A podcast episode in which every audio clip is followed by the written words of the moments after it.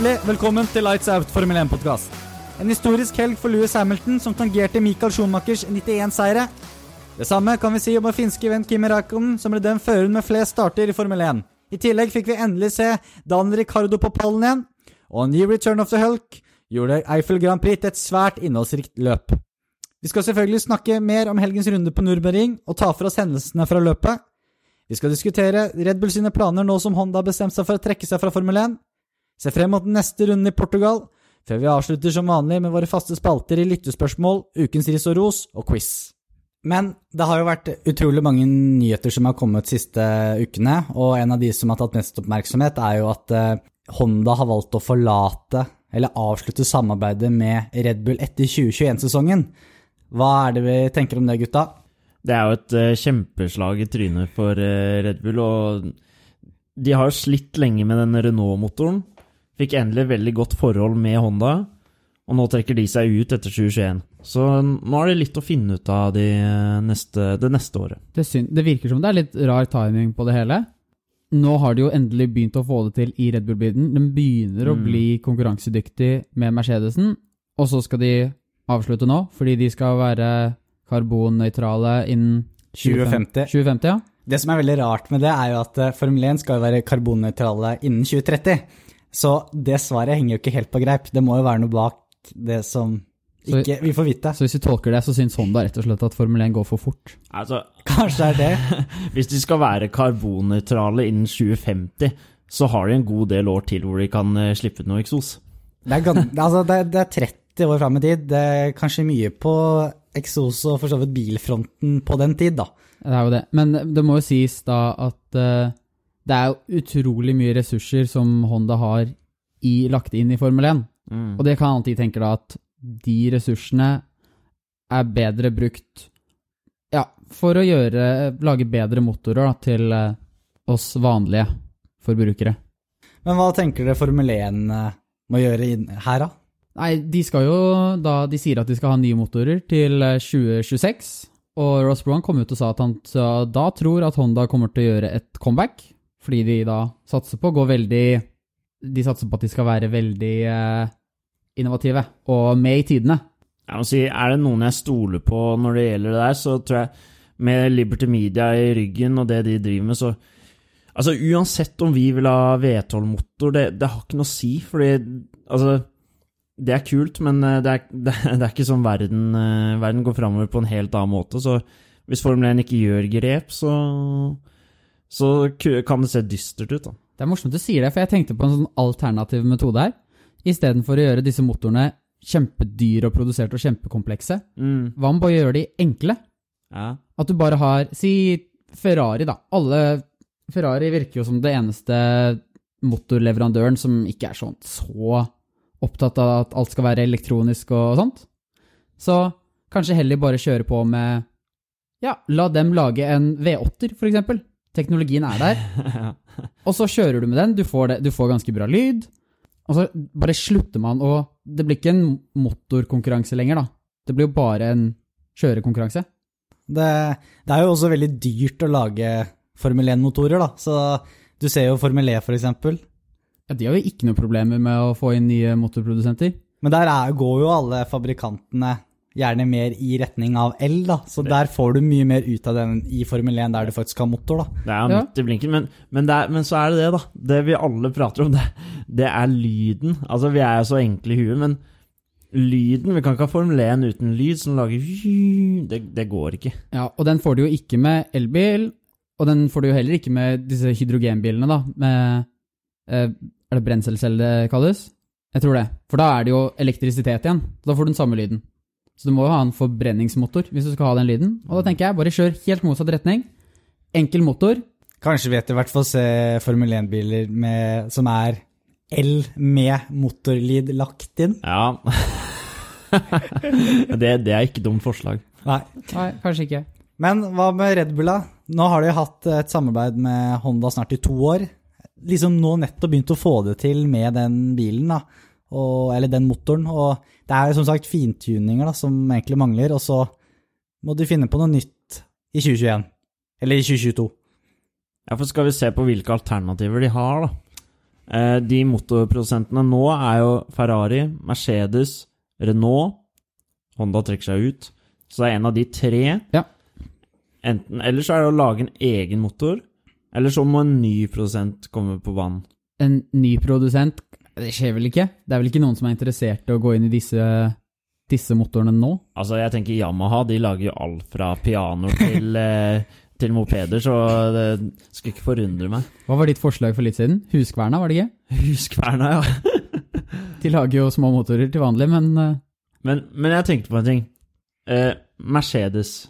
Det er ikke sikkert at de vil De har gått ut og sagt at de ikke vil. Ja, og det skjønner man ja, De har ikke kapasitet til det, har de sagt. Ja. Det er skyld, skyld begrunnelsen, i hvert fall. Ja, men de vil jo ikke gi dem en bedre motor heller. Det skjønner man veldig godt. Renault har de nettopp vært hos. Det fungerte ikke veldig bra. Eh, Jeg tror ikke Christian Horner orker mer av Cyril. Og så er det da Ferrari, og alle tenker de, Red Bull vil jo ikke Ferrari, den motoren er altfor dårlig, men det her er jo snakk om fra 2022.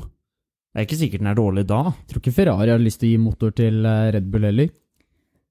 Nei Hvis de skaffer en bra motor Red Bull er jo en direkte konkurrent med dem, ja. så jeg tror ikke det kommer til å skje. Men det er jo et uh, I reglementet så kan Fiat tvinge Renault til å gi motorer til Red Bull, siden de er det mm. som har eh, flest eh, datterselskap, da, eller datterlag, hvis du kan kalle det det. Ja, ut ifra sånn som jeg har lest det, så virker det som om det er Renault og eventuelt fortsette med å produsere eller utvikle motoren fra Honda, Honda selv, da. Som er alternativene.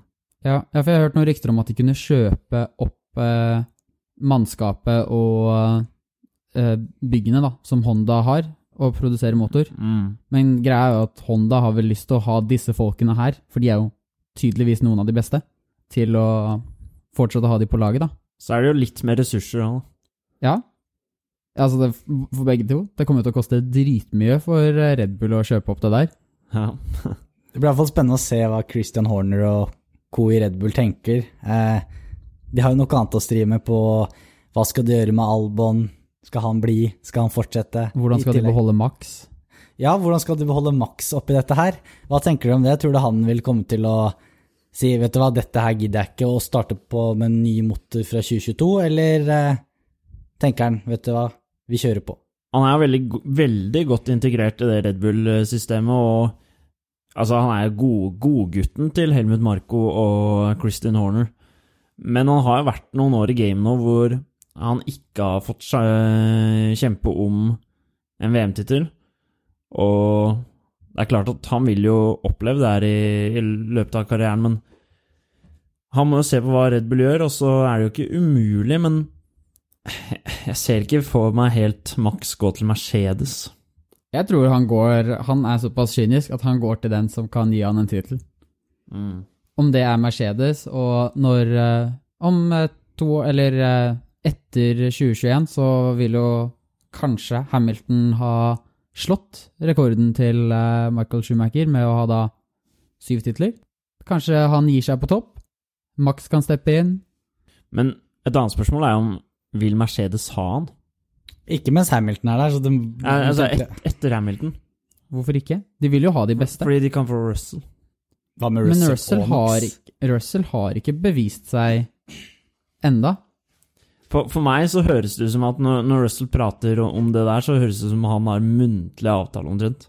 Når Hamilton trer av, så, så stiger han opp. Han er såpass stort talent. Man vet jo ikke, da. Men ehm, Ja, men det, det virker jo som han er veldig rolig i den situasjonen han er i William. så det virker som han, nei, han vet at han skal gjøre noe større i årene som kommer. ja.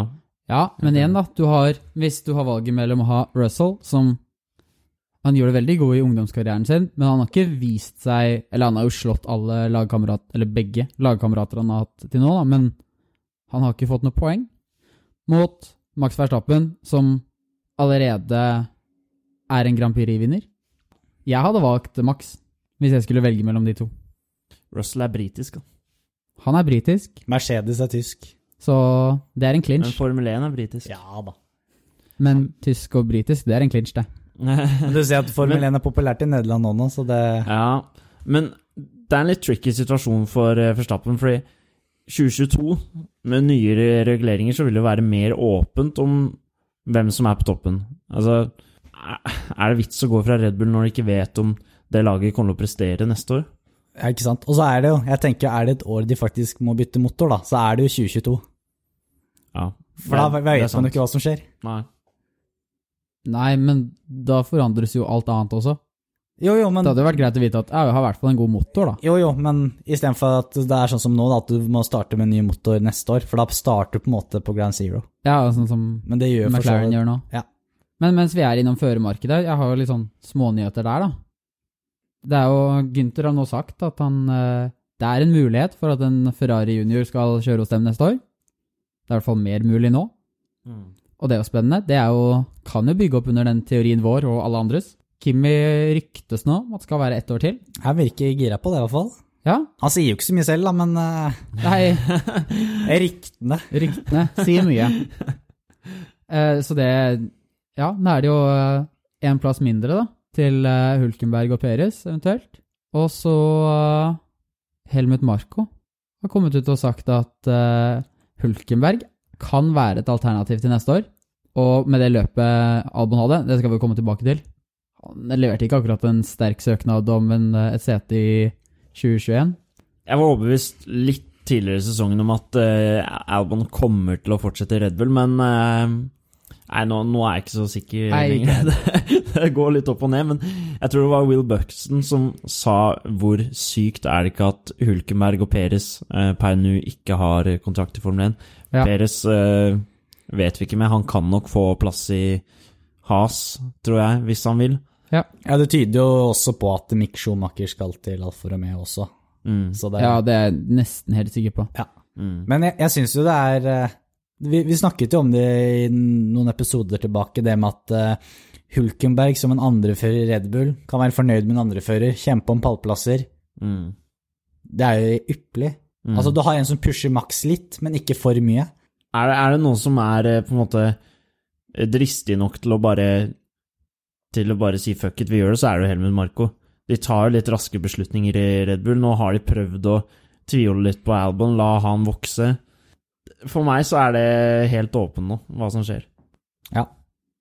Det har jo også vært en del føss siste ukene angående at det skal lages en ny bane i Rio, Jakob. Det har det, for nå er det bestemt at eh, i Brasil og i Rio så skal det da bygges en bane med plass til mange flere enn eh, ærverdige Interlagos som vi har eh, Ja. fra før. Jeg tror Interlagos tar 60 000, og så tror jeg den nye tok 130 000, tror jeg. Det tror jeg stemmer. Mm. Og, så planen da er rett og slett i god eh, Brasil-stil å bare kutte ned masse trær. De gjør så mye av det, vet du. Ja.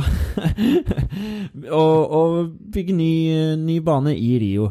Og Hamilton og flere andre i Formel 1-miljøet går da hardt ut. De ser ikke poenget med det. Interlagos har jo masse historie. Senna i, eh, på sin, eh, i sin beste tid presterte jo der eh, foran hjemmepublikummet. Vi hadde jo et helt sinnssykt løp der i fjor. Med, Ja, det er det jeg skulle til å si. Det er fortsatt en bane det er ganske gøy å se på racing. Ja, ikke sant? God racing òg. Verstappen som vant der i fjor, Ferrariene som krasja i hverandre, og Gasli med andreplassen. Første og... podiumen hans. Det, ja. Men de skal bygge ny bane. Det er jo ikke alltid at moderne, nye, moderne baner eh, slår an. Abu Dhabi, for eksempel. En ganske kjedelig bane, det. Ja. Så ehm, Men det er mye føss om det der. Ehm, Ja, men jeg, altså jeg er også imot. Jeg syns jo også at Interlagos er en fantastisk fin bane. Jeg skjønner ikke hvorfor man ikke bare kan bruke den. Og du har masse baner rundt omkring som bare kunne bygges litt om. Ja. Eh, For eksempel, da. Spa skal endres litt nå. De skal bygge sånn grus-runoff-områder istedenfor. Litt sånn som uh, Mugello. Ja. Ikke, et, eh, sikkert ikke fullt så, så ille, men uh, Det funket jo veldig bra, da. det ble mye action. Jeg tror ikke det blir så ille, men de skal i hvert fall legge noen der, og det syns jeg er veldig gøy. Uh, ja. For å håpe Groshab, han brakk jo nesten fingeren han på søndag fordi han fikk Ja, noen grustein Ja. fra Kimi Raikon for han. Kanskje blir det noen brukne fingre på spa neste år. Oi. Oi, oi, oi. Skal ha nye tribuner på spa også, forresten. Å ja. Ja, ved Rouge og ja. ja, men ser du, det funker å piffe opp de gamle banene. Ja, ja, ja. Men det var jo et eh, Grand Prix-løp i helgen også. Eiffel Grand Prix. Vi får ta turen til de tyske skoger. Med uforutsigbar vær og Ja. Det var jo et løp altså, sånn etter jeg, har sett, jeg så det selv denne gangen, jeg så ikke det med noen. Jeg føler jeg kan dele det litt opp i tre deler. Der de første 20 rundene var egentlig ganske actionfylte. Det skjedde ganske mye. Så var det et mellomparti der der det egentlig var ganske kjedelig. Og så kom det en liten safety car som gjorde det litt mer spennende igjen. Veldig pinglete safety car, syns nå jeg, da. Jo, men er det ikke er det ikke det vi har snakket om før, at de lager en liten safety car for at det skal bli litt mer spenning igjen da? At den, den situasjonen der kunne fint vært håndtert med en virtual safety car, men uh, Vi har jo det sett, gjorde det mer spennende. De vi, det vi, har jo sett bilder før eh, når de skal ha flyttet biler eh, på den banen i sving 1, at eh, andre biler har sklidd ut og truffet eh, traktorene som skal flytte på biler. Da var det vel også regn? Selvfølgelig. Men Så- det var mange som sleit i sving 1 denne gang, da. Ja, ja det er greit. Men uh, jeg syns likevel, når han kjørte og han sto rett foran den uh, avkjøringen, De gjør det for racingen. det gjorde de helt sikkert. Jeg tror det var snakk om at de var ikke helt sikre på om bilen gikk igjennom eh, den utkjøringen. Eh, akkurat som det var på Monza. Litt sånn, men ja. Det er spennende, i hvert fall. Ja, Det var det. ja det ble det. Og været gjorde at mange slet med kalde dekk. Det var jo en stor snakkis om det egentlig hele helgen. Ja. Du uh, prata om Kollentåka Kollen-tåka sist pod, og den slo jo inn Den på slo fredag. virkelig inn. Er slo inn på fredag, den, du. jeg se trening 1 og trening 2 og kose meg. Det ble ikke noe av. Ingenting skjedde. Nei, det var jo for mye tåke, så de kunne ikke fly helikoptrene. Mm. Og da var eh, sykehuset for langt unna. Ja. Men faktisk, til søndagen så flyttet de helikopteret fem kilometer unna, sånn at eh, det er et sted det ikke var tåke hvis tåken hadde kommet til eh, banen. Oh, ja. Så hadde de kjørt sykebil dit, faktisk, hørte jeg. ja. Det er ikke dumt, da. Det burde de ha tenkt på. Ja. Men, men. Vi kan jo da starte som vanlig med Mercedes på topp. Louis Hamilton tangerer Michael Schumacher. Kort applaus. Det var ganske synkron. Det var en kort applaus òg, det, Ja, faktisk. ganske synkron. Det var fin. Det Ja. fortjente han. 91 seire. Jeg har på en måte eh, de siste løpene, siden han tok sin 90. 90. seier, så har jeg liksom sittet og håpa litt på neste Hamilton-seier. For det, det er ofte lett å håpe på at noen andre skal vinne, fordi han vinner jo hele tida. Men det er en sånn magisk grense, så Men nå skulle jeg ønske han ikke vinner noe mer. Ja, ja, for du vil forbi. at de skal stå likt. Tenk hvordan det hadde vært, da. og Schumacher. to stykker. To fantastiske førere. Helt likt. Men jeg tenker litt sånn som når Bjørndalen kjempet om antall verdenscupseiere. Det hadde vært gøy å fått den over 100. Det er Det noe kan, med det, det tallet som er spesielt, da. Det kan jo fort skje, det, da. Ja, det kan Ja, jeg skje. tror jo det skjer også. På halvannen sesong. Ja. Eller Ja. halvannen sesong. Det er Vi er over halvveis. En og en kvart. Ja, noe sånt. En og en kvart. Men kjører egentlig et ganske bra løp. og Jeg, jeg syns jo, legger merke til igjen, han er utrolig god når etter den safety-caren kommer og komme seg ut når Max Verstappen ligger rett bak han og bare dra på. Han Ja. får veldig fort luke igjen. Han gjorde det. Han fikk en solid luke, og det var snakk om at han hadde en fordel med dette DAS-systemet, da, ved å få varma opp eh, dekkene under safety-caren. Ja, for en solid luke. Han fikk jo også en eh, Hva kan jeg si? Han ga Bottas en eh, fair fight på starten her. Presse Bottas eh, ordentlig. Men Bottas har holdt seg foran. Og Bottas var tøff der, altså. Ja, Ja, fordi- han var det. Vanligvis så er han litt for snill, syns jeg. Da var jeg helt sikker Hamilton kom til å komme forbi, men nei da. Ja, Nei, det, det var sterkt av Bottas. Det var det. Dessverre så gjør han den feilen sin i ja, runde 13, mener jeg det var. Ja, noe sånt. Og Hamilton kommer forbi. ja, man kan Ja. ikke gjøre feil når man har eh, Hamilton bak seg. Fy faen, for en berg-og-dal-bane det er for eh, Bottas, eh, dette løpet her. Starter på pole, det er fantastisk. Han klarer å holde seg foran i starten, og så gjør han feilen. Hamilton kommer forbi, det er nedtur. Han skjønner faen, ass, det her går Jeg må ta Han må gjøre en to-stopp. Rett etterpå skjønner han alle andre må gjøre en to-stopp, så jeg har undercutta alle. Men så får de den virtual safety-karen, og så holder de seg foran han likevel. Mm, man må jo også rose Bottas for å gå seirende ut av sesongens mest spennende kvalik, syns jeg. Eh, hvor Forstappen leder Q1, Mm. eh, er også på provisorisk pole i Q3. Og så ender Bottas da opp med tre lilla sektorer i et løp hvor det var Ja, det var jo dødt løp omtrent mellom, eh, mellom Bottas, Hamilton og, og Verstappen, i hvert fall. Det er gøy å se. helt åpent. Ja, det er gøy å se at eh, de nærmer seg. Ja. Men Bottas måtte jo da bryte, som en av mange. En av mange. Noe elektriske problemer eh, Ja, det var sånn. ganske harde curbs eh, her også. Eh, samme som på eh, Østerrike, i Østerrike. Så det kan jo hende at det er noe av problemet, da. Ja. Max Verstappen, en god nummer to, etter Bottas måtte bryte. Ja. Han var jo veldig nær da i starten av Stint 2, etter at Hamilton hadde fått en litt trege pitten og Ja, men ja, sliter litt med å få dekkene i gang. Jeg Han lå vel eh, et sekund bak på det minste der, eller noe sånt. Ja, 1,2 tror jeg det var. Ja, altså, det så var, veldig nærme. ganske nær eh, DRS-grensa. Men holder ikke helt på race pace ennå heller. Nei, og så når Mercedesen får dekkene i gang, da, da er de virkelig i gang. Ja, jeg tror bare Hamilton lå og kontrollerte seg. Lå og sparte seg litt. Litt sånn adda-badda. Ja, litt sånn. Men jeg må si jeg er litt skuffa over eh, Red Bullen eh, på Grand Prix, fordi så nær som eh, Max Verstappen var ved å vinne kvaliken De var helt der oppe med Mercedes, og så har de bare ikke racepacen. De er, ja, er ikke i nærheten, dessverre. Nei, for du fikk liksom følelsen, selv om han var veldig nær, så var det liksom sånn Mercedes har dette. Ja. Ja, det var aldri liksom noe ordentlig angrep. Nei, jeg syns ikke det. Jeg syns ikke det var noe tvil om det uansett. Nei. Nei, Men uh, sterkt å ta fastest lap på siste runde, da. det var det. Det er gøy. Red Bullen hans fungerte virkelig, Ja. i motsetning til hva Albon fikk ut av sin. Ja, vi kan jo gå dit med en gang. Altså, du snakker om uh, emosjonelle ting med at det går opp og ned her, i berg-og-dal-bane. Det, det Ja. går litt opp og ned for Alban også. Jeg føler det går Mest ned. mest ned. Han har hatt én topp, og så går det litt ned igjen. Og ja, ja altså Kviat eh, kalte han jo uprofesjonell etter det han gjorde mot han. Mm, det Der er han- fair, da.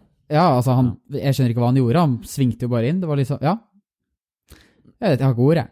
Jeg må si, altså, det var godkjent eh, kvalik, vi må si det, for kvalik er jo det han har slitt mest med eh, tidligere. Så nå eh, får han P5, reiser racer mot uh, Ricciardo og får kontakt med han, og kjenne vibrasjoner i dekket. Må pitte veldig, veldig tidlig. Han, de, han pitter jo alltid veldig tidlig. Ja, men da var det dekket som de kjente vibrasjoner i, og de tok ingen sjanser. Og allerede der er jo løpet ødelagt, ikke sant? Eh, Men det var jo fordi han lokket opp, da.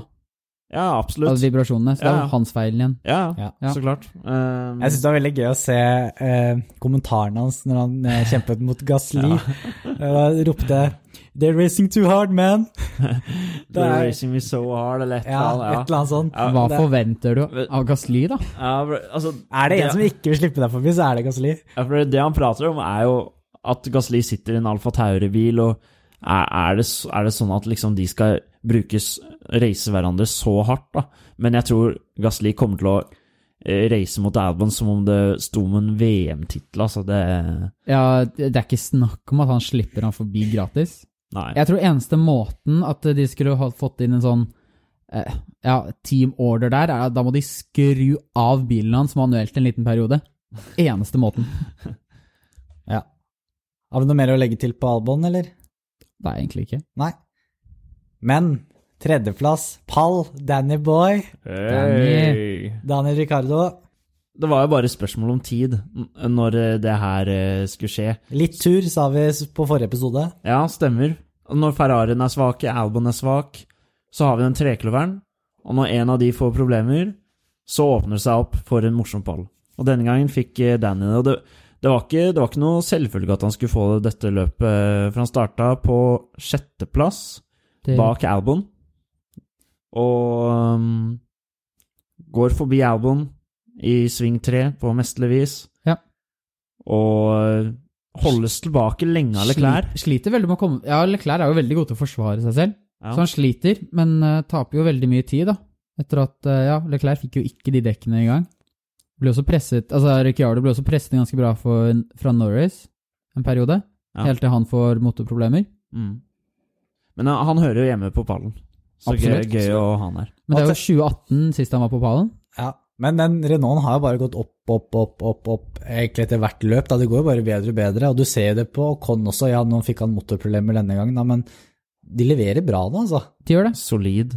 Ja. Det er, eh, er favoritten til fjerdeplassen eh, i konstrukt... Nei, tredjeplassen i konstruktørmesterskapet nå. Ja, og Ocon eh, ligger jo rett bak han på kvaliken også. Det var vel 1900 deler eller noe sånt som skilte de. Ja. Så det er ikke verst. Men Ikke verst. Cyril Abiteboul og Dan Ricardo de hadde en liten agreement at hvis det blir pallplass i år på Ricardo, så er det en liten tatovering som må et eller annet sted på kroppen hans. Ja. Ja, altså Red Bull-gutta hadde et forslag. Det var jo en Red Bull Jeg husker ikke hvor det var. men skulle ha en Red Bull-tatovering, i hvert fall. Ja, Abiteboul kan bestemme hvor den skal være, men Ricardo kan bestemme hva slags. Ja, ja. Ja, Ja, men det var jo mekanikerne til Verstappen hadde et eh, forslag. ja. Og det var jo da at de skulle ta Red Bull-logoen. Det. Det var veldig gøy. Det tviler jeg på skjer. Det er jo Cyril og, og Christian Horner har krangla litt, det har vi jo sett i Drive to Survive. Så jeg så noen forslag på Twitter, og det var liksom hjerte og så med Christian Horner over, da. Å, herregud, det hadde vært så gøy. Ja. Jeg syns han skal ha det sitatet sitt der fra Drive to Survive, sånn He needs a driver and he needs an engine. Bare Ja. I Så det er ditt sånn forslag? sitattegn. ja. Den kommer sikkert på rumpa på skinka der, eller noe Ja. sånt. Må gjøre, da. Hva er det du, Stian, hvis du skulle valgt tatovering og plassering for de, hva hadde du valgt? Jeg syns jo egentlig både Red Bullen og Christian Horner hjerte er jo vakre saker eh, Ja. på en fransk kropp. Ja, nei, jeg hadde bare tenkt eh, kjør på Mike eh, Tyson-tatovering i ansiktet. Det hadde vært Det- beste. Problemet igjen er at han kan bestemme hvor den skal være. Ja, jeg vet det, men eh, nå får ikke jeg valget til å bestemme okay. hvor og hva. Ja. Mm. Nei, gjerne Love Christian i panna eller noe sånt. Det hadde vært eh, Ja, det har vært fantastisk. men kanskje, Hvis det skjer, så kanskje det blir noe enighet om eh, motor fra 2022 også. Hva heter han jackassen? Han eh, Har fyren peiling. Ja, i hvert fall en fyr som har uh, tatovert ansiktet sitt bakpå ryggen sin. Hva med få ansiktet til Horner bak på ryggen Er ikke det han Steve, Steve O eller noe Ja. sånt? Hvis han, hvis han får ansiktet til Horner over hele ryggen, da må han sitte i baris under løp, sånn at man, man ser jo ryggen eh, til alle racingingeniørene. Når de står i er sant, det. Det, er- Boden, ja. det blir nydelig. Å, det har, vært helt Har ikke de hvite T-skjorter? Nei, de er sånn. Gule og sorte. Gule og sorte, Gule og sorte, Ja. Ja, kjedelig. Kanskje de får nye når de kommer til alpin? Så kan eh, Horner bare komme og kaste vann som blir gjennomsiktig? Ja, da blir de blå, da. Det blir blå. Ja. Ja. ja, da funker det ikke. Ja. Dessverre. Men da, vi nevnte jo da eh, Ricardo på pallen. Ocon da måtte bryte på motorproblemer. Eh, Racing Point, fjerdeplass på Perez. er Bra, veldig bra. Perez jobber seg opp. Tar også en del innpå Ricardo rett før eh, den sikkerhetsbilen eh, kommer inn. Så eh, sikkert litt, bitte litt surt, fordi jeg tror Perez har, eh, har i bakhodet at eh, det kunne vært han. Hadde han prestert litt bedre den helgen? Jeg tror Hvis ikke den safety-caren hadde kommet, så tror jeg han hadde hatt han. Ja. Fordi Ricardo var jo på ganske slitte dekk. Ricardo tapte et sekund per runde til han, eller noe sånt. Halvannet Ja. sekund. Det var ganske mye. Ja, jeg tror han lå ti sekunder foran da Ja. sikkerhetsbilen kom inn. Ja, så det er ikke mange runder før han hadde kommet forbi. Og hvis vi skal stole på den uh, grafikken, så var det, skulle det være kjempeenkelt å passere også. Mm, mm. Det var vel på to streker eller et eller annet sånt. Eller tre, noe sånt. Vi fikk jo også en ny Return of the Hulk. Enda en. Igjen. Det er tredje gang. Skulle egentlig være ekspertkommentator eller ekspert på TV oppe i Køln, Men eh, ble ringt opp og spurt om du ville ta turen ned til Nürnbergring. nydelig overraskelse for eh, alle Formel 1-fans. Så det var jo enda mer hektisk eh, nå enn forrige gang. Nå ble han bare ringt opp. Han sa klokka 11 så satt han om morgenen, på lørdag morgen, så satt han og drakk kaffe med en kompis. Ble ringt opp av Ottmar Otmar i Racing Point. Du må komme hit nå. Ja, Stroll han kommer seg ikke vekk fra potta, så du må skynde deg hit. Han kommer akkurat til tide, får tatt eh, testa seg for eh, korona. Jeg tror ikke de rakk å uh, tilpasse setet noe særlig, eller Jeg ble jo kasta rett ut i Q1, så ja, Ikke noe trening, bare rett på Q1. Og kanskje litt av grunnen til, også, også til at han kom på sisteplass i kvalifiseringen. jeg tror det var hele grunnen. Det skal sies Nei, at, ikke undervurder Grosja og Giovinazzi, altså. Det. det skal sies at eh, Stroll har ikke korona, han er bare var dårlig i magen eller noe sånt. Ja, ja. Ja, men, Litt eh, for mye lønnesirup eh, på pannekakene på kanalen. Ja, ja, men Hulk-. Hulk starter på sjuendeplass. Tyvende, altså. 20. Ja. Ja. Og klatrer tolv plasser. På åttendeplass. Det er jo kjempebra. Det er sinnssykt bra. Er Og han har bare hatt 18 minutter kjøring i Q1. Mm. Nei, få den karen inn i Red Bull, sier jeg bare. Ja, det har vært fantastisk. Jeg digger Albon, men um, Albon jeg jeg lyst til å se eh, Hulkenberg i Formel 1. Og, takler virkelig ikke presset. Men igjen, altså, han Etter det han har vist nå, de tre løpene han har kjørt, så har vel egentlig race, altså, sjefene fått et mer positivt inntrykk av han nå enn det de kanskje hadde tidligere. At han, okay, han Ja. jobber på Og han har jo alt å vinne i disse situasjonene, ikke sant? Når han, når han- ikke har fått noe trening på bane eller noe sånt, ikke noe simulatortrening engang, ikke sant? Det er bare, bare hiver seg rett i bilen. Han har alt å vinne på det, ikke sant? Det, ja. Utrolig gøy å i hvert fall se at han er tilbake nå, da. Ja. Kan du bare kjapt nevne Science på femteplass, veldig bra. Veldig sterkt. Norris ut. Kjører bra helt til han eh, får motorproblemer. Det var mange som fikk motorproblemer eh, i dette løpet. Ja, det var det. Det er som jeg sier, jeg tror det har noe med curbsen å gjøre. De Ja. er litt røffere her, for det er litt sånn old school. Kan det være litt med kulda òg. Det kan være veldig mye med kulda. De måtte jo Mm. holde dekkene over 15 grader, og når det er Mm. fem i lufta, så er jo det litt vanskelig. Ja. Mm. Gasly, sjetteplass. Det er jo helt, eh, helt fantastisk eh, nok en gang, så det, altså, det, må, det må jo legges til, da, uten å ta fra eh, disse midtfeltsførerne noe som helst, så har det jo litt å si med at Bottas ryker ut, uh, Albon ryker ut, og, og så videre og så videre. Mm. Ocon måtte bryte. Men uh, absolutt, utrolig bra prestasjon. Siste som vi kanskje kan ta med, fikk ikke noe poeng, men Kimi da, startet sitt 323. løp. Det er rekord. Det er imponerende. Det er det. Men eh, du må huske på at de kjører flere løp nå enn de gjorde tidligere. Jo, jo. Så det er jo Ruben Barrichello er jo han som er nummer to. Ja. han har kjørt i Hvor mange sesonger har han kjørt? Er det 19? 19 sesonger, mens uh, Mr. Uh, Raikkonen har kjørt 18 sesonger. Så ja, det viser jo bare at de har kjørt Det er jo flere løp nå. Men eh, det er jo for, Fortsatt bra. Sinnssykt bra. Det er erfaren han. Men rekorden var til for å bli slått. Det er den. Absolutt. Ja. Eh, Neste løp kjøres i Portugal om to uker. I Portomao. Portomao. Ja, Al Algarvekysten.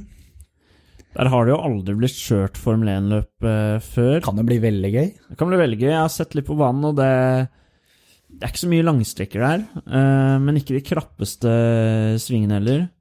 Så vi, vi får se. Jeg tror det kan være en morsom bane for uh, førerne å kjøre, i hvert fall. Men uh, ja, morsom bane for førerne betyr jo ofte dårlig racing for uh, oss tilskuere. Ja. Ja, nei, De har vel én langstrekning omtrent? Så. Ja, det er start-mål-strekka, og så er det én etter sving én, ja. som er litt sånn halvlang. Men ellers er det mye svinger. Ja. Mm. ja, men det blir jo gøy å se, da. Og da har jo ikke lagene så mye informasjon som gjør at det kanskje blir litt mer spennende. Absolutt. Det var det som var litt gøy nå, med at de ikke fikk trening én og trening to. At det ble mer åpent da, i kvaliken og løp. Ja, Ja. og i hvert fall når det var de temperaturene det som var òg, så aner ikke hvordan lagene klarer å Nei. Men kanskje et todagersformat hadde vært ganske interessant i Formel 1? Det, det blir det på Imola. Ja, Der men bare sånn generelt også, da, så du slipper å ha sånne masse kjøring og kjøring, og de kjenner banene inn og ut, og de vet akkurat hvor mye de skal svinge rattet og alt sånt. Men nå har jeg mye hjemmestudier. Og da er det rutine på fredager at eh, når klokka blir eh, 11, så er det å skru, skru på TV-en, ha den i bakgrunnen, se på trening mens jeg jobber. Hva med å ha litt annerledes, da? Kjøre med noe? Jeg hørte på WTF1-podkasten eh, på vei hit, og da foreslo de at kanskje du skal kjøre med noen andre typer dekk på fredagen. Så de blir kjent med banen, men de blir ikke kjent med strategien. De kan ikke si ok, vi pitter eh, den runden fordi det er best for oss. Ja, det hadde vært litt kult, egentlig. ass. Ja, for da fører eh, Altså, tre timer er kanskje litt mye på å bli kjent med en bane, da, med helt irrelevante dekk, men eh, det hadde jo vært litt gøy, da. Ja. Å ikke ha en sånn fast strategi. Og da får du fortsatt den tilskue... Et fredagstradisjonen din også. Det og taco. Ja, den må vi beholde. Ja, ja, Jakob. Da er lyttespørsmål eh, neste på blokka. Det er det, og vi har noen denne gangen òg, som vanlig. Første er fra Twitteren. Hvis du vil sende inn uh, twittermelding til oss, så heter vi eh, alfakrøll nord. Så det er bare å tweete til oss der. Så skal vi svare så godt vi kan. Men første er da fra Petter Tamberg. Punktum for Albon i Red Bull. Begynner å lukte litt tysk hulk eller meksikansk eh, i det andre Red Bull-setet, sier da Petter Tamberg. Ja, jeg er helt enig. Jeg. Eh, Albon sliter, og jeg tror ikke han eh, Jeg mister mer og mer troen på at han kommer til å få et sete. Ja, egentlig litt jeg også. Så blir det spennende å se da om Albon blir degradert til uh, Alfa Tauri eller sånn som jeg gjør det nå, så tror jeg han blir shippa rett ut. Tror du det? Ja. Men tror du Kviat har eh, større framtid enn han? Eller Nei, tror du Sunoda jeg- Jeg tror fortsatt uh, kanskje Sunoda kommer. Mm. Honda har hatt press Ja. på seg også nå. Nå er det bare én sesong til. Ja, Før Albon har- har... jo fått ett og et halvt år nå i det Red Bull-setet, så Ja, Gasly fikk et halvt mm. før han ble shippa ut. Ja, om ikke det. Og hvis vi tenker på det løpet Albon hadde nå Mm. Hvis Stroll hadde hatt et sånt løp, hva hadde vi sagt da? Da hadde vi jo sagt 'send han vekk'. Ja, ja, ja. Ja, altså, vi har gitt, ja, vi har gitt Albon Det- mange sjanser nå, syns Ja. jeg. Ja, og det der var fryktelig løp av han. Jeg men jeg tenker på en ting med han med Albon versus uh, Gasly. Og det er kanskje noe vi undervurderer veldig, og det høres kanskje teit ut at jeg sier det, men når man så på Drive to Survive med Gasly og stemninga i garasjen her, han var helt besatt av, eh, av papirene hans, hvordan, altså stats på hvordan han kjørte. Han, var, han fikk det ikke til. Det virka som det var litt sånn dårlig stemning da, i garasjen. I tillegg så er jo ikke engelsk morsmålet hans, han er fransk. Albon ser til å gå mye bedre overens med gutta i garasjen. da. Men er det en som også gjør sånn- det, så er vel det Hulkenberg, er det ikke det? jo, så, klart. Men jeg tenker sånn i versus Gasly, da. Jeg tenker at sånn, resultatene var dårlige både for Albon og Gasly. Men for Gasly så var både resultatene og stemninga litt eh, anspent i garasjen. Albon så virker det som at resultatene er dårlige, men det er lag som samarbeider bra, går godt overens. Det er kanskje noe vi undervurderer litt, fordi, men vi må huske på at de gutta her jobber med hverandre hver uke. da. Men eh, altså Stemning vinner ikke løp. Skal ikke undervurdere god stemning, altså. Nei, men fortsatt, altså det. Nei, da, jeg, jeg I Formel enig i at 1. er, er resultatene ræva, så, så blir den jo kippa ut. Men jeg til syns liksom Albon virker litt sånn Ja ja, da gikk det dårlig i dag, og det var ikke liksom mer enn det. Det er veldig sånn Ja, bedagelig han er måte Han er ikke den derre Ja. hissigpropp når han gjør det dårlig, da. sånn som for eksempel Max. da. En mellomting der kunne kanskje vært bra, da. Men han er, har jo vist det i teamradioen da, under løp. Ja. Men han er veldig flink eh, til å roe seg ned etter løp da, i intervjuer. Må se litt mer passion. Skal vi gå til eh, neste Kan vi egentlig si ja, vi tror kanskje det skjer nå. At han blir shippa, i hvert fall fra Red Bull. Og jeg syns jeg han har fått sjansen lenge nok. Ja. Neste spørsmål fra eh, Markus Olsen. Eh, har Ricardo endelig en renessanse i Renault? Det er rett og slett bare litt sånn statusspørsmål der. Altså, jeg tror han alltid er, blir sett veldig høyt i Renault. Jeg tror hvilket som helst lag han er, så skaper det veldig god stemning, og han er, blir verdsatt der. Mm. Eh, Altså, han har jo på en måte bare vært der to sesonger, da. Men den jobben han har gjort, har jo vært veldig bra. den jobben er formidabel. Men... hva skal jeg si? Han har jo vist at han står på uansett hva som skal skje neste år, da. Han Mm. gir seg ikke dette året, sånn som kanskje du ser Fettel har litt gjort. Mm. Og det er veldig positivt. Ja, og da, det leder oss an til eh, neste spørsmål. Blir Fettel den nye Raikonen etter at han har gått fra Ferrari? Altså neste år i eh, Aston Martin? Spør Markus Olsen. Kanskje ikke neste år, men i 2022 kanskje. Man vet jo aldri med den eh, Aston Martin da, hvordan bilene vil bli. altså, typ, han blir sånn som Raiken er i år. Jeg tror det er nivået nivå han uh, tenker på. At han bare sliter, og Resultatene ja. resultatene uteblir. Det kommer jo veldig an på bilen, da. Ja. Og det er veldig vanskelig å si noe uh... Men neste, neste år kommer det jo ikke til å være de store forandringene, kanskje. Men det blir jo veldig, det blir veldig spennende faktisk da å se da hvor faktisk bra sjåfør Fettel fortsatt er, da, når han kommer til Mm. en Racing Pointen eh, eller Aston Martin neste år, som er ganske bra, men det er ikke helt, helt topp. Kan han klare å pushe de enda lenger enn det Stroll eller Perez har gjort? Det blir Mm. veldig spennende å se. Og Mm. da om han er en fortsatt god fører, da. Jeg tenker hvis Aston Martin blir et storlag da, til 2022 og de nye reguleringene og budget cap og hele pakka, kan det hende at de er helt der oppe i 2022 da.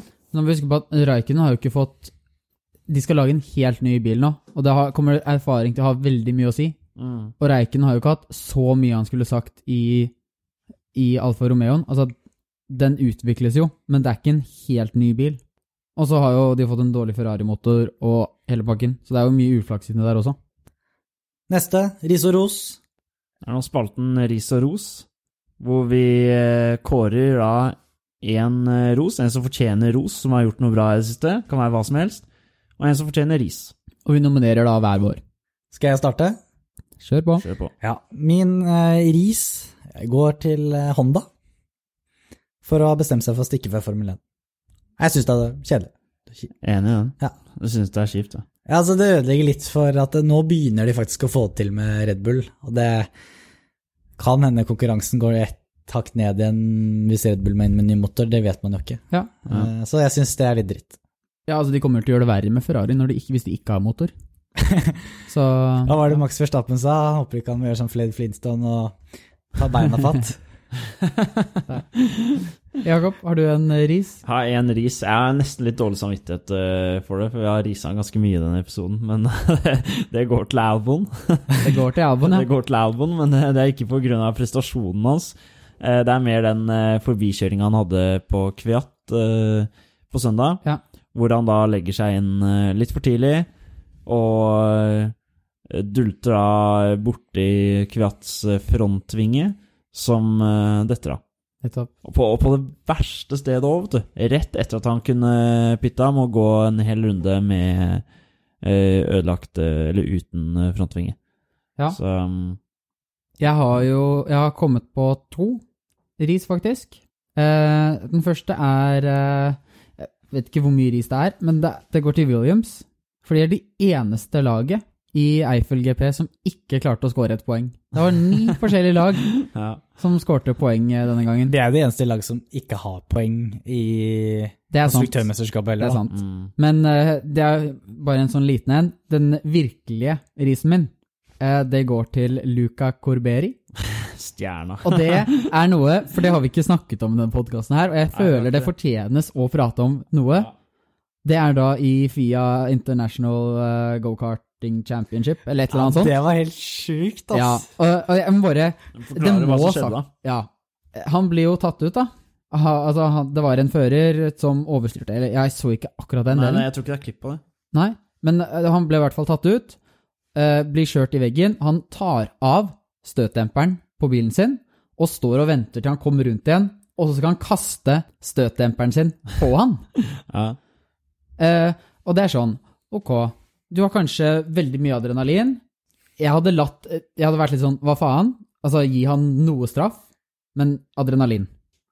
Men etter løpet så flyr han på han, og det er skikkelig rug- rugbytakling. Det er ikke bare han, det er faren òg. Det er faren som eier er he eh, denne banen. Ja. Det er helt sykt.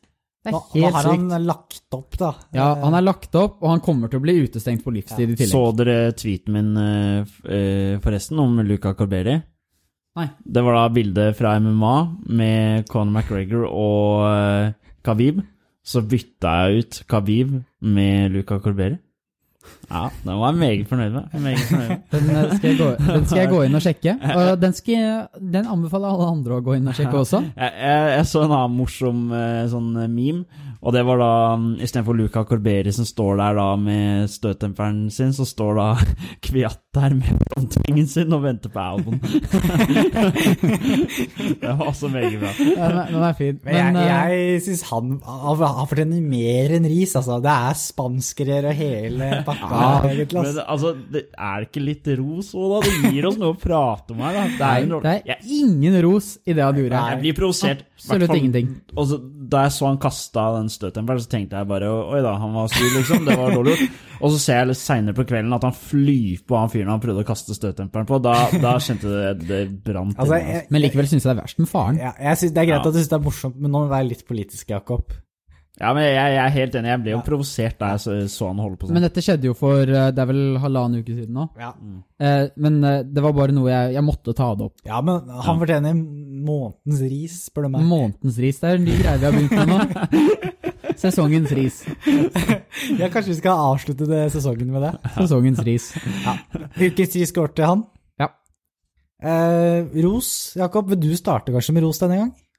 Jeg har en liten, eh, liten ros. Vanligvis er det mye lettere å finne ros enn ris, men denne gangen så var det omvendt. Men jeg har en liten ris til Nei, unnskyld, ros til Fettel, som etter kvaliken Skuffende, nok en gang skuffende eh, kvalik for Fettel, men eh, han tar seg tid med en gang han kommer til mål, til å ta hele runden og vinke til eh, alt, alle de tyske publikummerne. er. Hjemmefansen. hjemmefansen med, Ja. med plakatene. Det var også fint å se Fettel, apropos han gjøre hederlige ting. Når Hamilton hadde kommet til mål, så gikk Fettel bort og gratulerte han med Ja. å tangere Hamilton. Ja, og du ser han tar, tar litt vare på Mick Schumacher òg. Så eh, han er, han er en bra fyr. Han er en bra fyr. Ja. Stian? Eh, jeg har jo eh, ros til en annen tysker. Mm. Mick Schumacher. Bare for eh, den gesten med å gi en av eh, hjelmene til eh, Michael Schumacher som en gave for å ha tangert rekorden, og sa også at rekorder er til for å brytes. Veldig voksent gjort, og derfor nominerer jeg han til ukens ros. Ja, det er også faktisk min ros denne uken. Ja. Til Mick. Jeg tenkte på en annen ting. eh, Hulkenberg for å komme så kjapt. Altså, en, en ting er hvor eh, kjapt han kjørte på banen, men å komme så kjapt til Nürburgring, det er, det er en sterk Ja. prestasjon. Nå var køllen ikke så langt fra, da.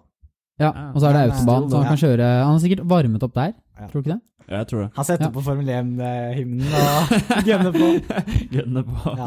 Men uh, jeg, ja, jeg støtter i hvert fall Mick, da. Ja. Det er uh, min stemmekort. ja. Ukens ros går til Mick Schumacher. Sier vi det. Ja, Flott. Da har vi siste på blokka for i dag. Quiz, Jakob. Det er tid for quiz. Du har Nå- vel mekka noe i dag òg? Det har jeg. Og nå er det da 3-3 som er stillingen eh, mellom dere så langt i sesongen. Så her har en av dere muligheten til å, til å ta ledelsen. Bygg går mot slutten også. Ja. Eller vi har jo noen igjen, da. Har noen igjen, ja. Det er mange, mange uker å gjøre det på. Så måten det her eh, fungerer på, er eh, som vanlig at eh, jeg stiller spørsmål, og så sender dere meg det på melding på mobilen, og så skal jeg oppdatere lytterne på hva som skjer. Jeg har mobilen klar. Samme her. Ok, klare for spørsmål 1. Ja. Rekorden for kaldeste Formel 1-løp er fra Montreal i 1978. Men hvor kaldt er det? Var det, var det minus fem grader? Var det null grader? Eller var det pluss fem grader? Så Nerstad, du svarer eh, fem grader. Mm. Hatvold, du svarer minus fem. Og det riktige svaret er fem grader. Og Nerstad går opp i ledelsen 1-0. Akkurat. Jeg syns jeg husker at det var en med snø, så da bare tenkte jeg vi går lavt. Vi går lavt. Det er kaldt i Montreal på vinteren, men på sommeren er det jo greit. Altså det, da må det ha vært på høst eller vår de har kjørt der tidligere, da, eventuelt. Ja, men jeg, jeg syns det er litt eh, svak rekord, det, altså. Altså, en rekord skal være Den skal det lukte svidd av, liksom. Ja. Det, ja. Spørsmål nummer to. På søndag var det Max Verstappen som kjørte raskeste rundetid på 1 minutt 28 sekunder og 139 tusendels sekunder. Mm. Men sist de kjørte Formel 1 på Nürburgring, var det Fernando Alonso som satte raskeste rundetid. Men hva var den på? Og her er det da den som kommer nærmest, som vinner spørsmålet. Jeg, jeg gjentar da. Max Verstappen kjørte på søndag 1.28 139 tusendels sekunder. Og så kan man da tippe hva Fernando Alonso kjørte på i 2013, var det vel. Jeg har egentlig ingen anelse, så det, det blir litt gjetting. Ja. Jeg hadde en jeg tror jeg har en peiling. Ja, vi får se, da. Jeg skal ikke si noe før på svaret. Nerstad, du svarte 1 minutt 30 sekunder og 45 hundredeler. Atvold, du svarte 1 minutt 32 sekunder og 7 tideler. Og det riktige svaret er 1.33,4. Oi, det er ganske klar Unnskyld, forbedring. av- 0,5 hvis man runder opp. Det er ganske klar Ja. forbedring av tiden, egentlig, det da. Ja, for jeg syns jeg hørte at det var sånn fem sekunder de kjørte raskere nå. Ja. Og det var Ja, jeg er fornøyd. Du, så du øh, vinner poenget her. Mm. Det står da 1-1. Oi, oi, oi. Spørsmål nummer tre. Kimi Raikkonen fyller år om ikke så mange dager, 17. oktober. Hvor gammel blir han? Så antall år. Nerstad, du svarer 40 år. Atlevold, du svarer 39 år. Mm. Det er 41 år. Oi. Det er 41 han er. Ja, Ja, han blir gammel mann. han blir gammel, altså. Er det poeng til meg siden jeg er nærmest, eller? Dessverre ikke. Nei. ikke. Ikke på denne, men det blir et eh, bonusspørsmål her. Ja, ja, ja. Klarer. Og det eh, bringer oss eh, litt tilbake på det vi har vært eh, inne på før. Og på dette bonusspørsmålet så skal vi fram til varmeste Formel 1-løp noensinne. Og da snakker vi lufttemperatur, ikke track temperature. Ja. Vanlig. Den som, den som kommer nærmest her, vinner da denne runden. Altså, Ja. ja. Det- Temperatur, eller hvor? Geografisk, eller hva er det vi, du spør etter, egentlig? Ja, du, du, ok, det, det er i Bahrain. Bahrain Grand Prix. Og så skal vi gjette temperatur? Ja. Ja. Ja, ok. Nerstad, du svarer eh, 35 grader. Mm. Hattevold, du svarer 36. Ja. Oi. Og svaret er 42,5. Å, fy Å, faen. fy faen! Der, er- der er Var det så varmt? Det er Bahrain, da. Ja. Jeg skulle starte med å ta 39, men det var jo, jeg tenkte at det er jævlig varmt. Men det betyr at Stian Hatlevold går seirende ut av denne runden. Og det er nå 4-3 til Hatlevold i sammendraget. Gratulerer, Stian. Tusen takk. Det er jevnt. Det er Ja. veldig jevnt. Ja ja, da er det Stian Hatlevold som leder eh, quizen før eh, ny podkast om to uker. Følg med. Kanskje jeg drar fra. Kanskje, kanskje ikke. I hvert fall, takk for nå. Takk for nå. Ha det bra. Ha det bra.